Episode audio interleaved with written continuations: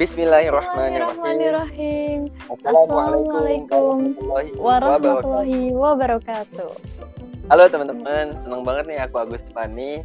Dan aku Najla Syaf, kita kembali hadir dengan membawakan nuansa yang berbeda dari sebelumnya, di mana kita akan membawakan dengan uh, lebih santai, lebih rileks, di podcast maraton kesayangan kita yaitu podcast Maraton Impian by Sekolah Kepemimpinan. Kepemimpinan.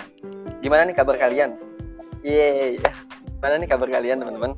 Semoga uh, apa ya selalu dalam keadaan yang sehat uh, di masa normal new normal ini uh, atau mungkin bisa dibilang new habit kali ya kebiasaan baru karena kita mulai lagi kebiasaan baru setelah masa karantina pandemi COVID-19 ini.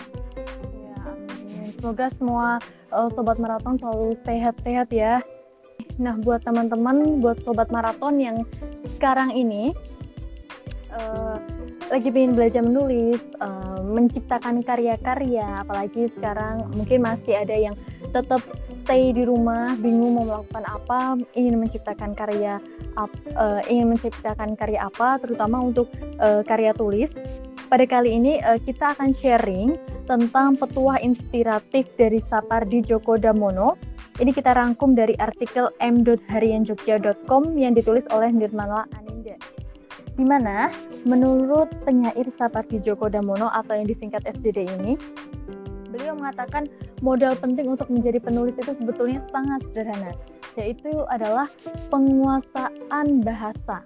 Nah, penguasaan bahasa ini bukan hanya kita uh, memiliki banyak pembenaran kata-kata, namun juga seperti yang tadi lo bilang, Van, uh, mampu untuk merubah kata-kata yang rumit itu menjadi kata-kata. Hmm. Itu penting banget penggunaan bahasa. Semakin banyak uh, penanya, terus semakin kita mudah uh, menerjemahnya, menerjemahkan ke dalam bahasa yang bisa dipahami oleh siapa saja. Itu adalah kemudian yang kedua adalah gimana caranya kita bisa banyak mendahara kata-kata kemudian uh,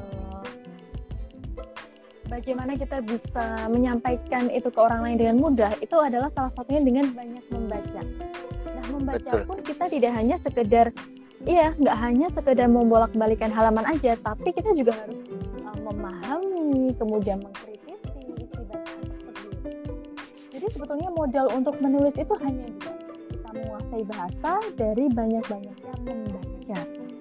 Betul nggak tuh? Waduh, gue udah Betul kayak berasa sapar. Iya nih. iya, sangat kayaknya Najla udah mendalami beliau banget ya. Suka banget sama tulisan beliau ya. Iya, karena beliau kan uh, sangat inspiratif nih. Makanya tidak hanya generasi muda saja yang menyukai karya-karya beliau, tetapi juga uh, berbagai lintas generasi seperti yang lo bilang tadi, Pan. Oh, tapi gini Nats. Jadi, banyak uh, juga nih Nats Kenapa? Banyak nih penulis pemula yang ngerasa dia itu nggak punya inspirasi Nats atau dia tuh stuck gitu, bingung mau nulis apa gitu dan harus mulai dari mana. Kan katanya nulis itu nggak semudah kata-kata motivator atau guru kebanyakan. Nah, itu gimana tuh Nats? Nah, iya. Banyak banget nih yang alasan kan uh, alasannya nggak punya inspirasi nih, jadi nggak bisa nulis. Stuck nih, bingung harus mulai dari mana. Nah, ini tuh sebetulnya problem kebanyakan orang yang aku baca-baca di beberapa artikel. Memang eh, awal-awal untuk menulis itu bingung nggak ada inspirasi. Nah menurut uh, almarhum Sapardi Djoko Damono ini kuncinya adalah jangan nunggu inspirasi. Tapi langsung lakukan aja gaskan aja langsung tulis. Gaskan ya gitu ya? Nggak perlu oh. nunggu inspirasi datang. Iya gaskan. Wow udah kayak orang Bandung ya pakai ken kurang cengkoknya nggak nih Iya, just clean gitu. Iya benar.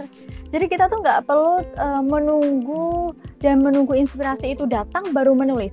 Tapi kita perlu menulis, kemudian inspirasi itu akan datang. Dengan Betul. kita terus uh, bertemu orang, kita menerima informasi, kita melihat peristiwa-peristiwa yang ada di sekitar kita, maka itu secara tidak langsung akan berproses dan masuk ke alam bawah sadar kita, akan terproses di kepala kita dan e, bisa menjadi bahan bacaan, bahan bacaan, bahan tulisan atau bahan karangan yang bisa kita tulis. Nah, kadang nih ada banyak e, ada sebagian orang yang punya ketakutan kalau misalnya e, jadi penulis mereka banyak yang khawatir dengan stigma-stigma dan realitas di lapangan misalnya uh, Hmm. takut tidak ada penghasilan misalnya dari menulis Hmm. kekhawatiran-kekhawatiran yang sering banget uh, Sering banget muncul kita dengar ya Iya, Iya. sering banget.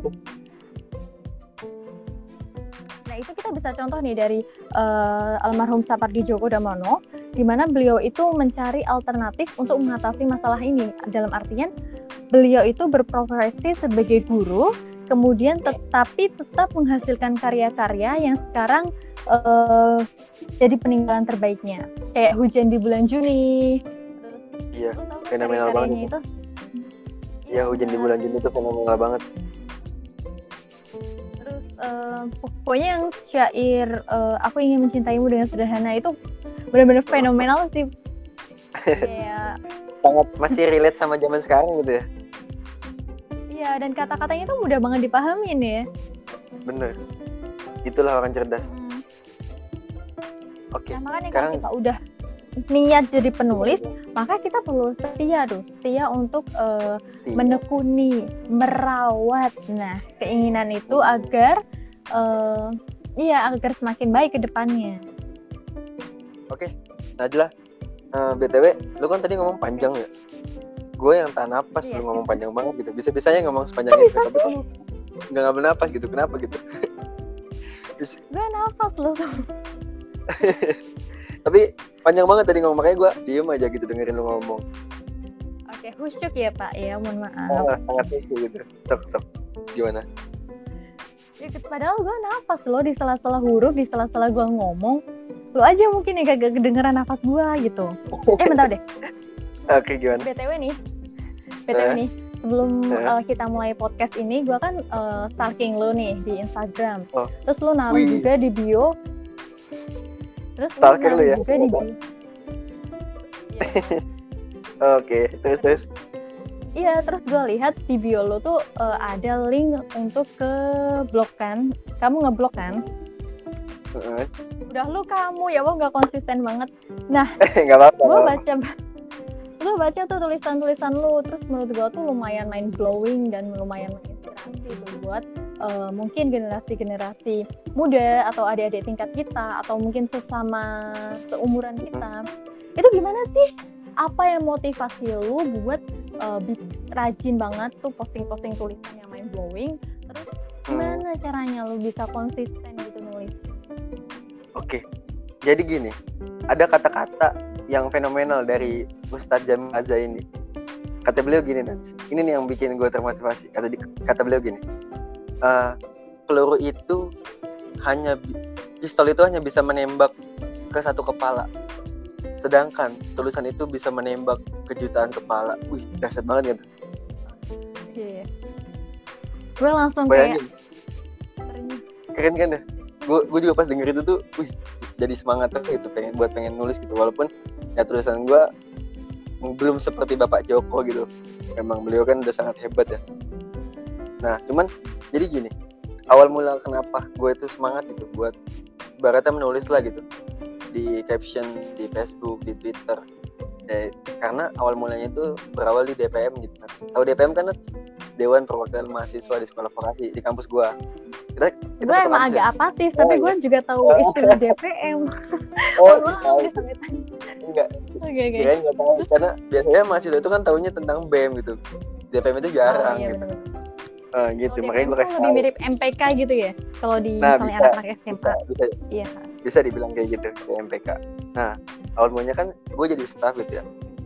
Nah, jadi staff itu kan otomatis kita itu haus akan informasi, haus akan ilmu lah untuk sebelum naik ke tingkatan selanjutnya. Nah, cara terbaik untuk gue merangkai kata-kata ketika di rapat, ketika di pengalaman apa pun itu adalah ya dengan menulis gitu. Iya nggak sih? Lu ada informasi baru yang lu belum paham gitu. Kalau di DPM itu kan menurut gua istilah-istilahnya itu baru gitu legislatif budgeting itu kan istilah-istilah baru yang belum pernah gue dengar ketika di SMA karena gue SMA juga ah, bisa dibilang apatis lah gitu ya nah cara terbaik biar gue memahami itu adalah ya gue menulis gitu. Kalau misalkan nantinya gue nggak paham ya gue cari lagi di ketika di kosan eh ketika di asrama gitu. Jadi baca ulang kata-kata- gitu loh. iya dibaca ulang sehingga ketika besok-besoknya ada pertanyaan tentang hal ini gue sudah bisa menjawab hal itu gitu. Salah satu apa ya manfaat dari menulis gitu. Ketika gue ber ber berorganisasi ya walaupun gue sekarang udah udah alhamdulillah gitu udah sidang ya net kita net alhamdulillah udah kerja oh. juga nih Oke netizen yang sedang mencari pasangan bisa nih hubungin Guspan pasangan apa tuh? Pasangan wisuda. Lanjut. Lanjut lanjut. Oke oke oke. Gimana?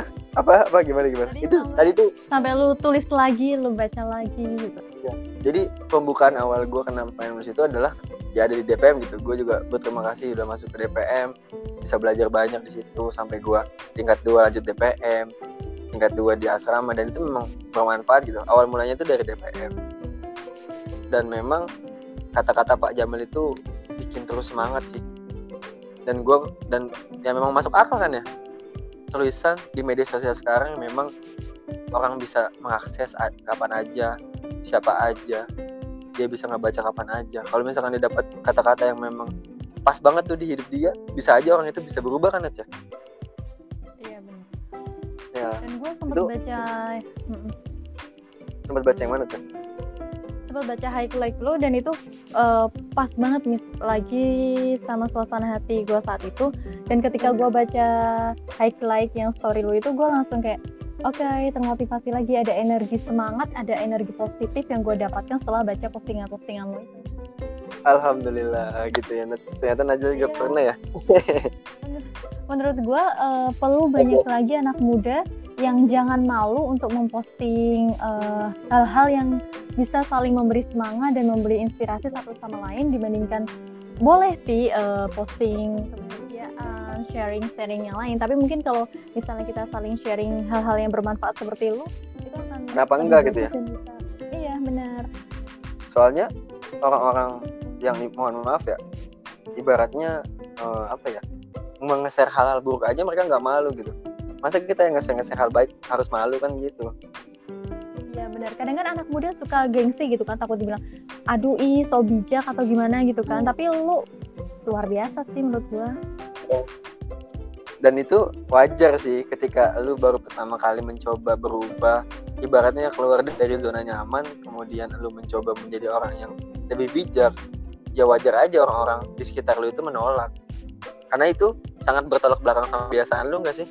Ya wajar lah ya menurut gua. Jadi ya pernah nggak sih dapat oh, gimana, kenapa? Lanjutin deh. Dapat apa? Dapat apa nggak sih dapat uh, kalau kritikan dan apresiasi kan pasti pernah dapat lah ya manusia.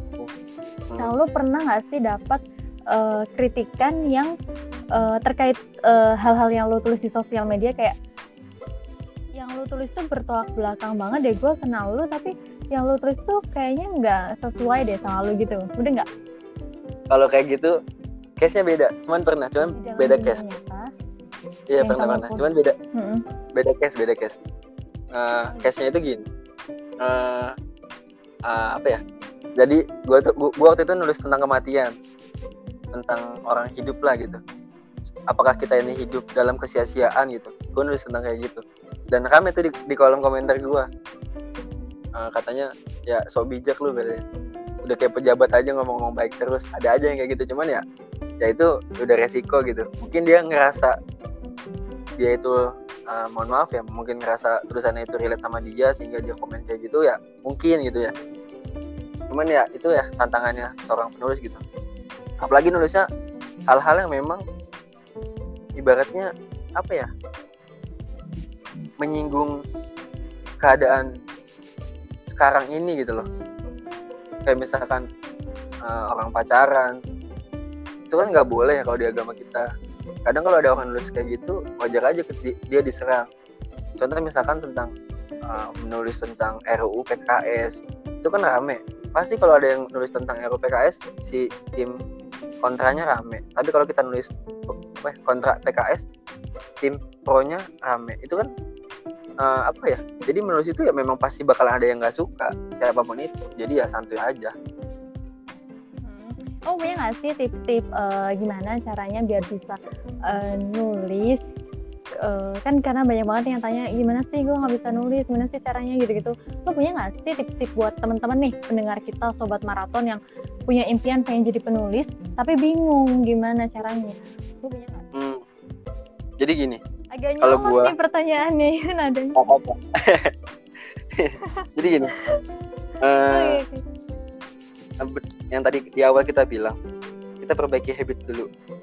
Minimal habit kecil ketika ada rapat. Karena mahasiswa gue rasa pasti ada rapat, entah di, di, di luar organisasi ada di omdanya atau di mana pun dia pasti ada rapat. Nah kita bangun kebiasaan itu dulu, kebiasaan mendengarkan orang lain berbicara, informasi kita catat. Apa pun dosen lah, dosen kita coba catat, kita coba ulangi lagi ketika sampai di pesan. Kita bangun kebiasaan itu dulu karena eh, kebiasaan membaca itu eh, apa ya? Kadang ada orang-orang yang memang belum langsung suka membaca gitu. Dan membaca itu gua aja aja suka baca itu baru di pas kuliah semester satu. SMA mah gue nggak pernah baca apa-apa gue. Buku pertama gue yang gue beli itu ya pas semester satu gitu. Dan itu awal mulanya dari gue mencatat informasi, gue mengolah informasi sehingga ketika ada yang bertanya gue coba jawab dari apa yang ada gue catat itu. Jadi coba dimulai dari bangun habits dulu gitu, bangun habits untuk uh, apa yang kita dengarkan itu kita catat gitu kalau memang hal-hal baik.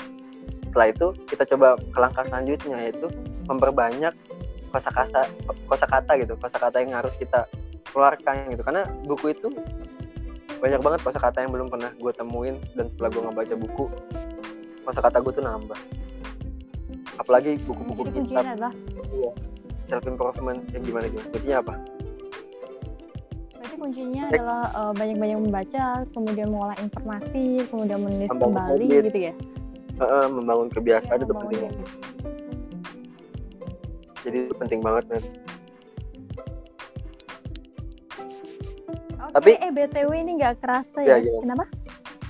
kenapa lanjut sok Lanjut dong, tapi tapi kenapa? bingung eh lupa eh tadi pertanyaannya apa sok aja dilanjut Eh, ini durasinya nih. Kita Oh, nggak durasi. kerasa udah beberapa menit. Iya bener oh, iya Kita oh, nggak iya. kerasa nih. Udah ber udah berapa ya, menit ini asik banget emang nih kalau ngobrol-ngobrol kayak gini ya sesinya. Heeh. tapi aku pengen ngasih pesan sih Nats ke teman-teman Nats Oke, gimana tuh? intinya eh, manusia itu nggak setiap detik mendapatkan inspirasi gitu inspirasi itu datangnya kadang nggak terduga kadang kita lagi di kamar mandi inspirasi muncul kadang kita lagi di jalan inspirasi muncul nah ketika inspirasi itu muncul cara terbaik untuk membingkai itu ya adalah dengan menulis gitu. Jangan kita biarkan ide-ide cemerlang itu menguap gitu aja. Karena gue dulu pernah ada ide gue diemin itu padahal ide itu bermanfaat untuk eh, untuk kemajuan organisasi lah dan gue nggak nulis. Ketika sampai di asrama gue lupa tulisannya Nat. sayang banget gitu jadi idenya tuh lupa dan sayang banget kalau misalkan nggak kita abadi karena maksud gue ya ketika ada inspirasi datang ya kita harus cepet-cepet nulis gitu jangan sampai didiemin gitu aja gitu. Nih, minimal kalau misalnya eh, nggak ada pulpen atau kertas di dekat kita, kita bisa tulis di handphone ya ide-ide itu ya. Oh, Pokoknya betul, jangan betul. sampai eh, si ide itu menguap. Bener banget Iya, sih. Pan. sayang banget menguap gitu Oke, aja kan Sangat menginspirasi, iya bener. Thank you so much, gak kerasa, Sayang- serem banget. sayang- Lu, sayang banget ya bener banget ya Nats iya karena durasi. Oke, besok buat sesi lagi. Kenapa? Oke, enggak, enggak, enggak jadi. Lanjut. Oke, besok buat se- sesi lagi di mana lu uh, bener-bener sharing dan cerita-cerita karena menurut gua tuh lu lumayan inspira- inspiratif sih apalagi em, kamu termasuk sosok public figure uh, di sekolah vokasi IPB yang mungkin em, punya banyak followers Enggak juga. dan mungkin bisa banyak menginspirasi orang lain. Amin. Uh, Gusman, kamu ada mau ada yang diomongin lagi? Hmm, satu lagi deh. Iya ya. Eh, sebelum kita jadi penulis, barangkali ada kalian yang nanti ke depannya bakal jadi penulis hebat. Eh, cobalah mulai dari tulisan-tulisan kecil. Minimal menulis kebaikan di caption Instagram. membuat postingan kebaikan di Snapgram, Instagram, atau menulis kebaikan di Facebook. Yang walaupun tulisan pertama kita itu masih banyak melihat dari orang lain gitu, ya gak masalah. Selagi ketika kita mengikuti dan menyantumkan kredit atau kita mengikuti namun merubah gayanya sedikit, oke okay gitu, nggak masalah. Namanya juga belajar dan ketika kita sudah mulai terbiasa, coba nulis buku, baik kita bisa jadi orang hebat gitu di kemudian hari dan bisa terkenang jasa-jasanya. Iya betul banget itu. Oke, kayaknya udah ya Nut Iya, aduh padahal masih pengen uh, banyak hal yang pengen gue tanya ke lu, terus banyak hal, hal yang pengen kita sharing ke teman-teman, tapi karena durasi. Mungkin kita uh, sampai di sini.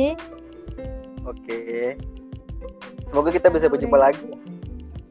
Iya benar. Oke.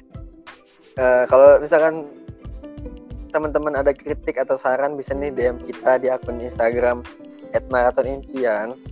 Terus dengerin podcast kita dan salam untuk para pejuang mimpi. See you Najla, see you teman-teman. You.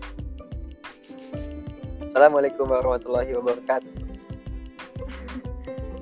Waalaikumsalam warahmatullahi wabarakatuh.